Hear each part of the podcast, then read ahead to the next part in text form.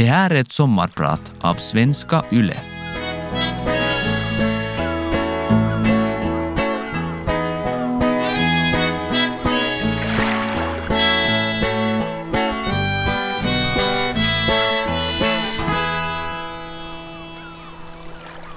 Jag ligger på operationsbordet på Akademiska sjukhuset i Uppsala och tittar upp i en monitor.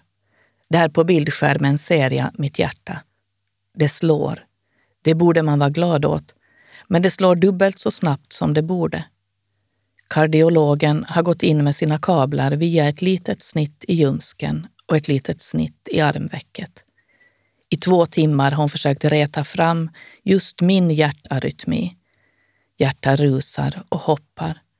Det gör inte direkt ont, men det är obehagligt.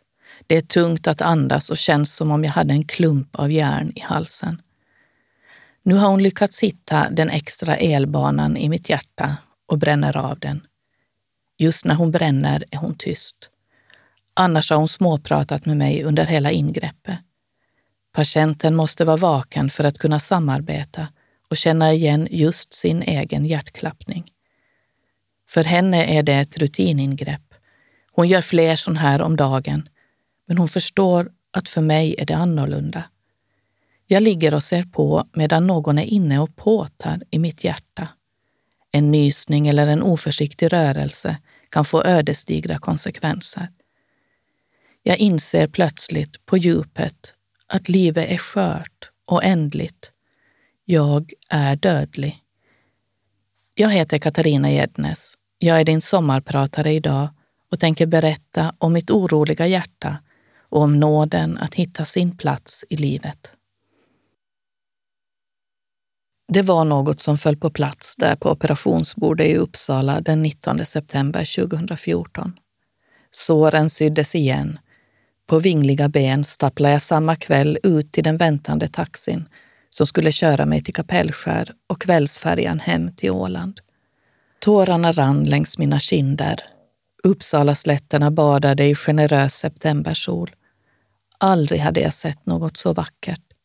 De skördade fälten, hästarna som lyfte sina varma mular och kisa under lugg och vädrade i vinden. Människorna i sina bilar på väg hem från jobbet och väntande middagsbord. Jag levde. Jag ville bara ställa mig upp i färgterminalen och skrika jag lever, jag lever. Det var en tvingande insikt. Man lever bara en gång här på jorden. Ingen vet hur många dagar som återstår av ditt och mitt liv. Det gäller att göra det man vill medan man kan och jag insåg att jag hade mycket att ta tag i när jag kommit hem och återhämtat mig. Så mycket i mitt liv, så mycket av mina val hade styrts av andra människor och deras förväntningar på mig. Jag var 44 år, ensamstående fyrabarnsmamma, nyseparerad, med ett hjärta som var bränt på fler än ett sätt. Jag hade kämpat, hoppats, trott på förhållandet jag rusat in i, hals över huvud, efter skilsmässan från mina barns pappa. Förälskelsen gör människor blinda och kärleken gör oss hudlöst sårbara. Och nu märker jag genast att jag börjar både ljuga och hemfalla åt plattityder. Jo, jag var i nästan 40 år en väldigt duktig flicka. Men jag lät också passionen styra mig och gjorde många människor illa på kuppen. De som hade varit mig allra närmast.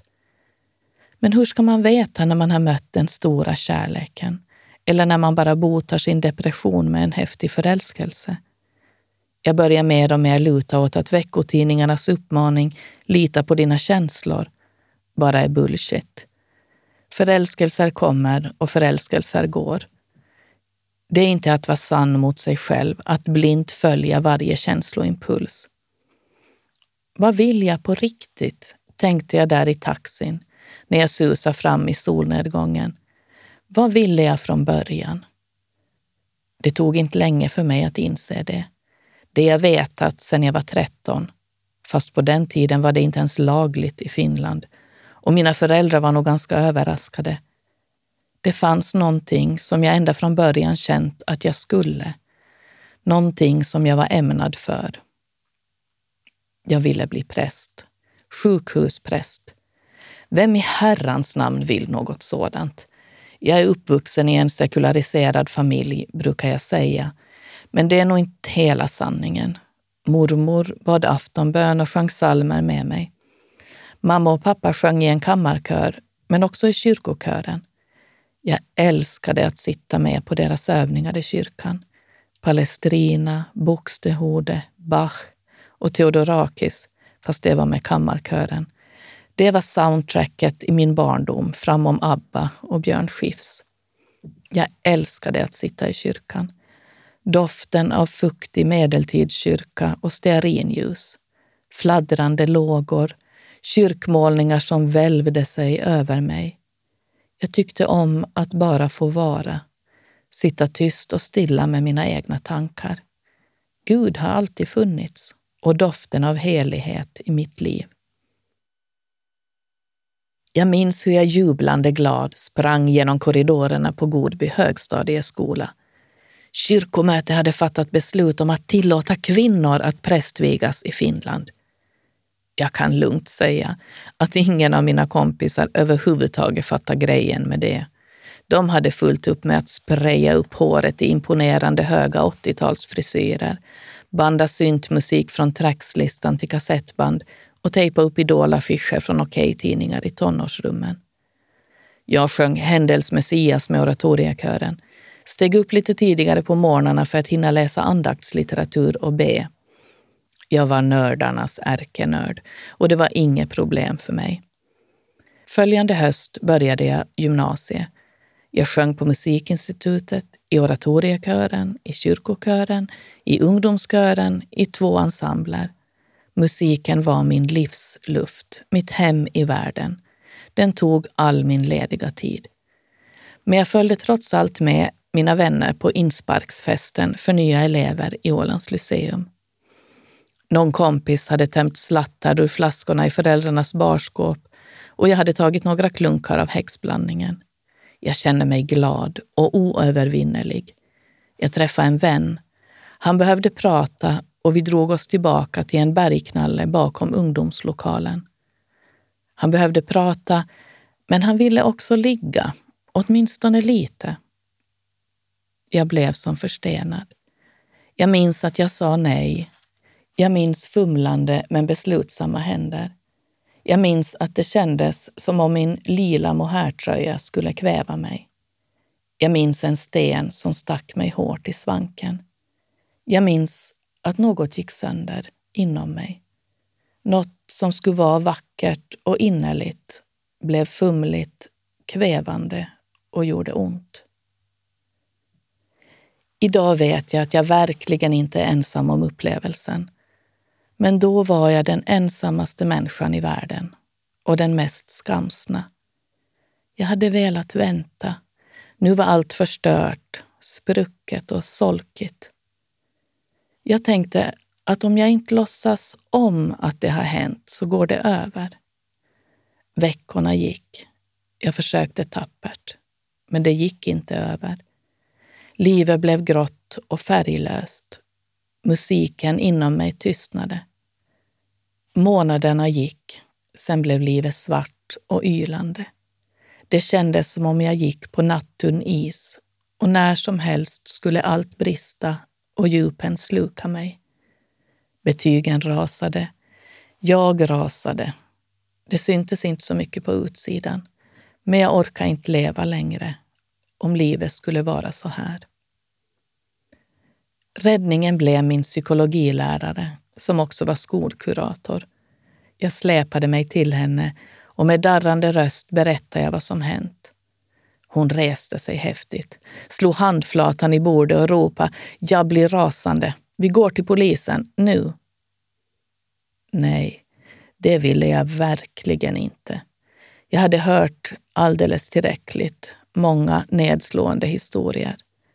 Det hade gått alldeles för lång tid. Ord stod mot ord och så vidare och så vidare. Men någonting i hennes spontana eller spelade reaktion gjorde att jag fick tag i min ilska och i samma veva fick jag också tag i min värdighet och självrespekt. Nej, det var inte mitt fel. Nej, jag behövde inte skämmas. Tack. Tack, Beryl. Tack från mitt allra djupaste jag. Då kunde jag aldrig tro att både erfarenheten av övergreppet och ditt bemötande skulle hjälpa inte bara mig, utan också många andra flickor och kvinnor som jag mött och samtalat med senare i livet. Vi har alla sår. Ingen går genom livet oskadd. Våga prata om det. Du har allt att vinna. Tystnaden och skammen äter upp oss inifrån, gnager och skaver, förlamar och förstenar. Våga prata om det. Även om jag pratat om det här många, många gånger, först i terapi och senare med vänner, är det fortfarande lite jobbigt. Metoo-upproret hösten 2017 blev omvälvande också för mig. Som en stark befriande islossning strömmade vittnesmålen ut ur tystnaden. Vi är många. Vi måste kunna tala om det. Det är inte vi som ska skämmas och skrämmas till tystnad. Tillsammans så är vi mindre ensamma. När jag inte orkar, orkar kanske du. När du förtvivlar kanske jag kan få vara ditt vikarierande hopp. En människa som på alla sätt var mitt vikarierande hopp när jag själv hade svårt att tro och orka under gymnasietiden var sjukhusteologen Karin. Hon jobbade halvtid på sjukhuset och när jag hade lunchrast brukade jag knata hem till familjen Sandholm för en pratstund och kaffe. Med Karin gick det lätt att prata, men det var också lätt att vara tyst. Jag berättade sist och slutligen inte särskilt mycket för henne, men jag kände en läkande närvaro och acceptans.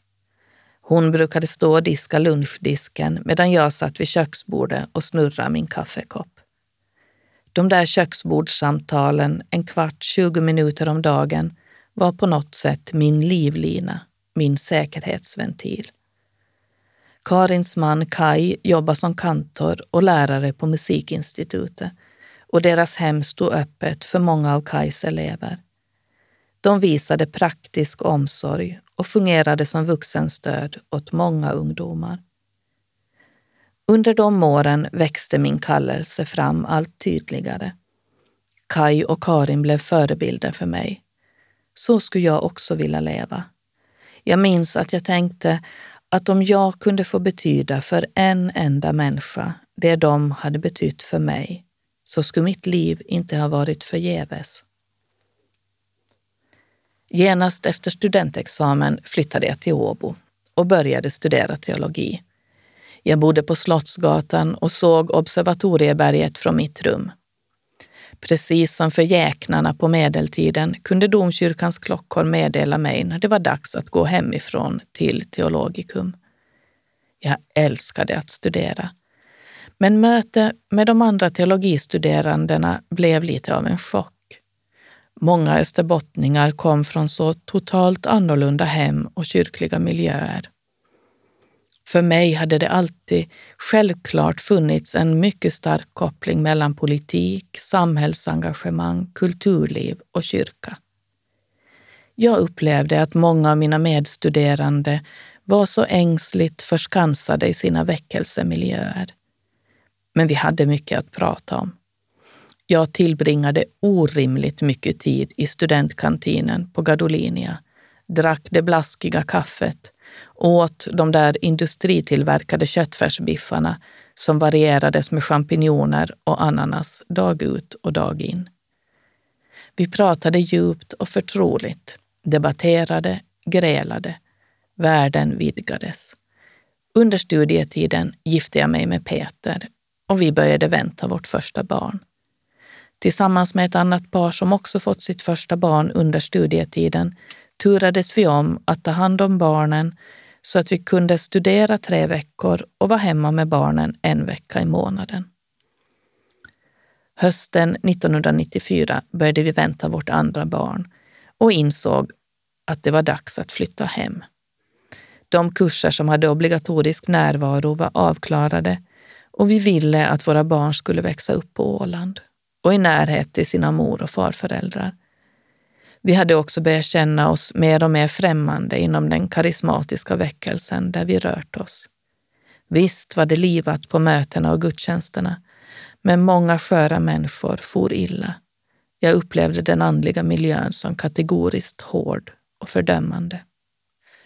Efter några tunga år med studier och småbarn blev Peter färdig med studierna. Jag hade satsat mer medvetet på mitt skönlitterära skrivande. Jag kom ut med min första diktsamling och Peter blev prästvigd. Kökar i Ålands ytterskärgård hade en tid varit utan präst och vi önskade att bli förordnade dit. Det var en fantastisk tid i vårt liv, präglat av entusiasm och nybyggaranda, men också ganska mycket umbäranden och hårt arbete. Allt som allt blev det nästan tio år på Kökar. Jag skrev böcker och hjälpte till i församlingen. Jag skrev kulturpolitiskt program för Åland, jobbade med bokmässor och litteraturdagar, recenserade böcker, hjälpte till att arrangera den årliga ekumeniska franciscusfesten på Kökar. Jag kunde arbeta hemifrån och hade världens vackraste arbetsmiljö. Eftersom det inte fanns två prästtjänster på den lilla ön så var jag nöjd med att vara prästfru och att få skriva. Barn nummer tre och fyra föddes på Kökar. Men när äldsta dottern skulle börja gymnasiet flyttade vi med henne till fasta Åland. Vi tog över och renoverade mitt barndomshem i Finström. Jag började arbeta på tidningen Nya Åland som jag tidigare frilansat för. Mitt prästkall hade jag tryckt långt, långt ner. Jag var också lite bitter på kyrkan. Bitter på all den tid den tog från vår familj. Arg på att lagen om samkönade äktenskap inte gått igenom.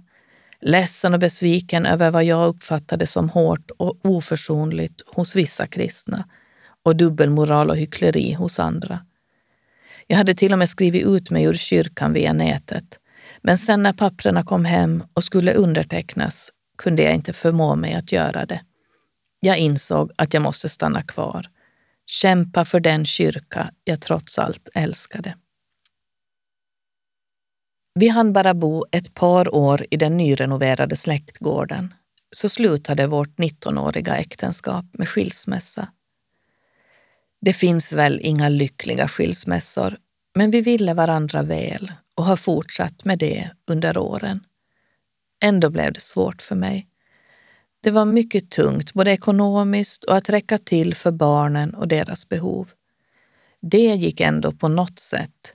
Värst var den existentiella ensamheten, ansvaret över hus och barn. Att inte ha någon att dela oro och vardagsbekymmer med. Att inte ha en själsfrände att skratta och prata med. Som mest hade jag tre olika jobb för att kunna hålla kvar huset. När jag kom hem på kvällarna fanns inte mycket kraft kvar för annat. Jag piggade upp mig, tröstade mig, belönade mig med att dricka. Inget fick mig att slappna av så bra. Jag kunde glatt dra i mig en flaska vin per kväll, vardag som helg och ändå stiga upp varje morgon och gå på jobb. Jag hade träffat en man som snabbt flyttade in och nästan lika snabbt inte visade sig vara någon prins direkt. Jag gav det ett år. Sen flyttade han och jag var ensam igen. Ensam och mycket sliten. Då kom hjärtproblemen. Det oroliga, rusande hjärtat gjorde sig påmint och tvingade mig att stanna upp och tänka efter. Jag måste ta tag i mitt liv. Sluta fly. Sluta skylla på pengarna eller kararna eller omständigheterna. Sluta bita ihop och springa i ekorrhjulet. Prestera för att förtjäna kärlek. Kapitulera. Dö bort från det gamla för att ge plats inför det nya. Det som vi på kyrkiska kallar för vetekornets lag. Min kära biktfar, prästen och författaren Kent Danielsson, hade flera år tidigare frågat mig när jag stod villrådig. Varför i hela fridens namn har du kommit på en sån galen tanke att du ska bli präst? Uh, för att uh, jag känner, tror att Gud vill det med mitt liv. Ja, men då så. Vad har du då för val? svarade han och log brett. Jag heter Katarina Gednes och jag är din sommarpratare idag. Jag hade levt så det hade slitit på mitt hjärta. Jag fick en andra chans i och med den lyckade hjärtablationen i Uppsala. Men så lätt gick det inte att bara byta riktning på livet. Vi sitter hårt fast i våra tröga vanor. Jag hade trots allt mycket studier kvar och ännu mera huslån och pengaproblem.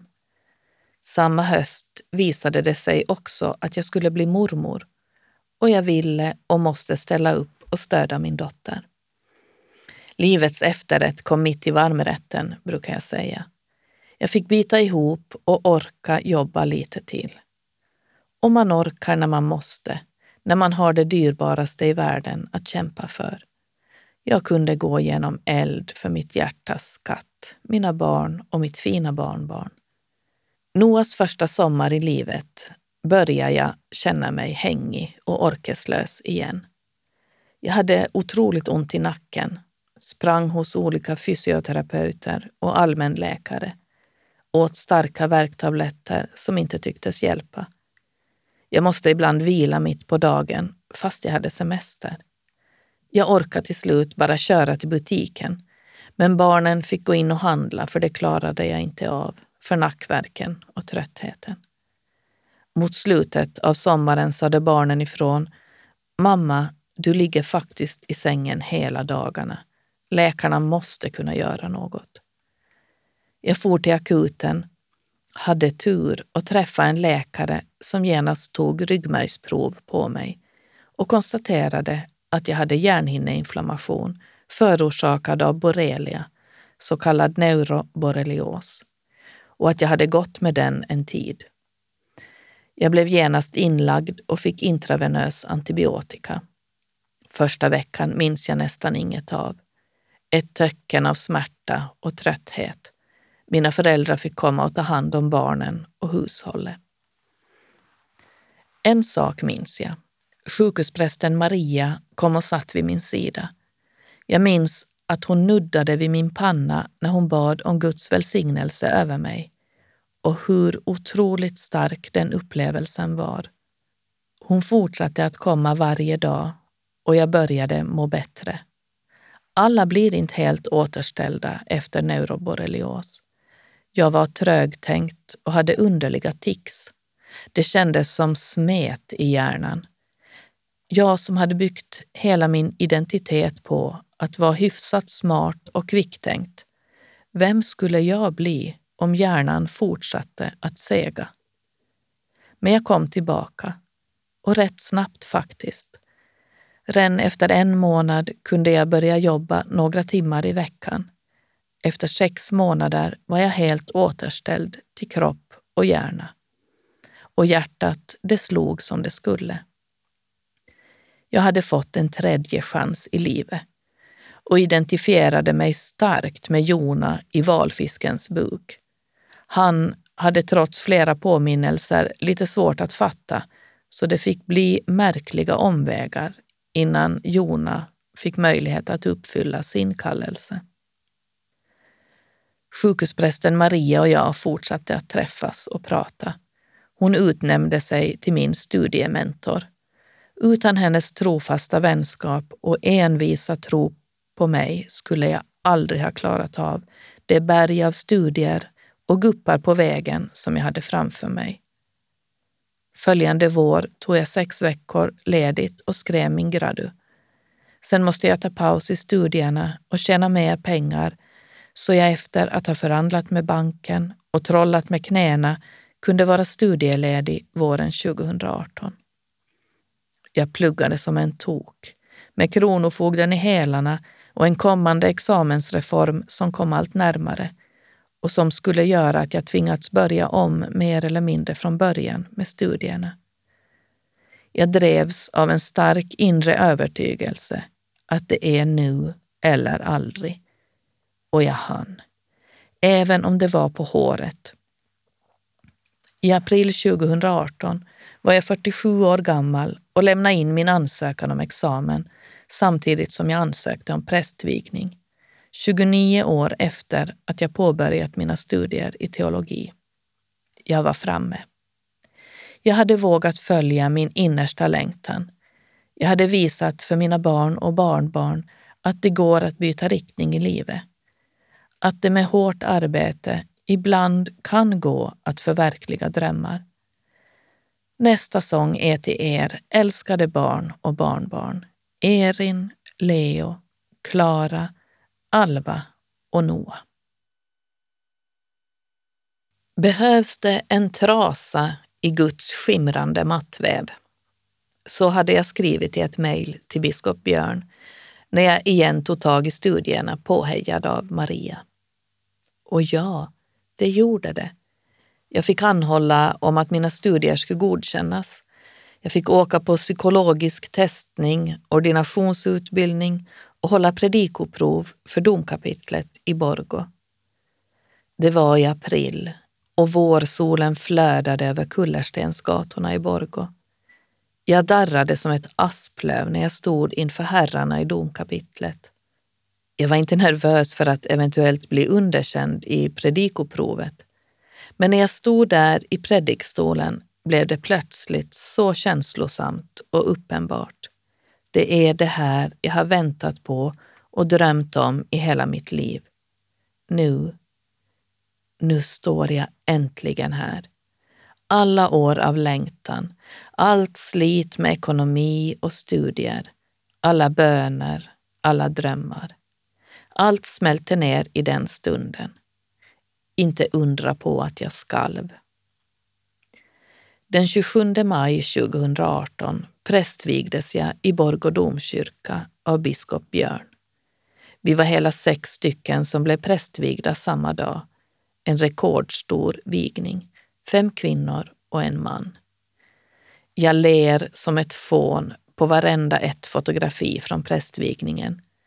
Många av mina viktigaste människor fanns med mig den dagen.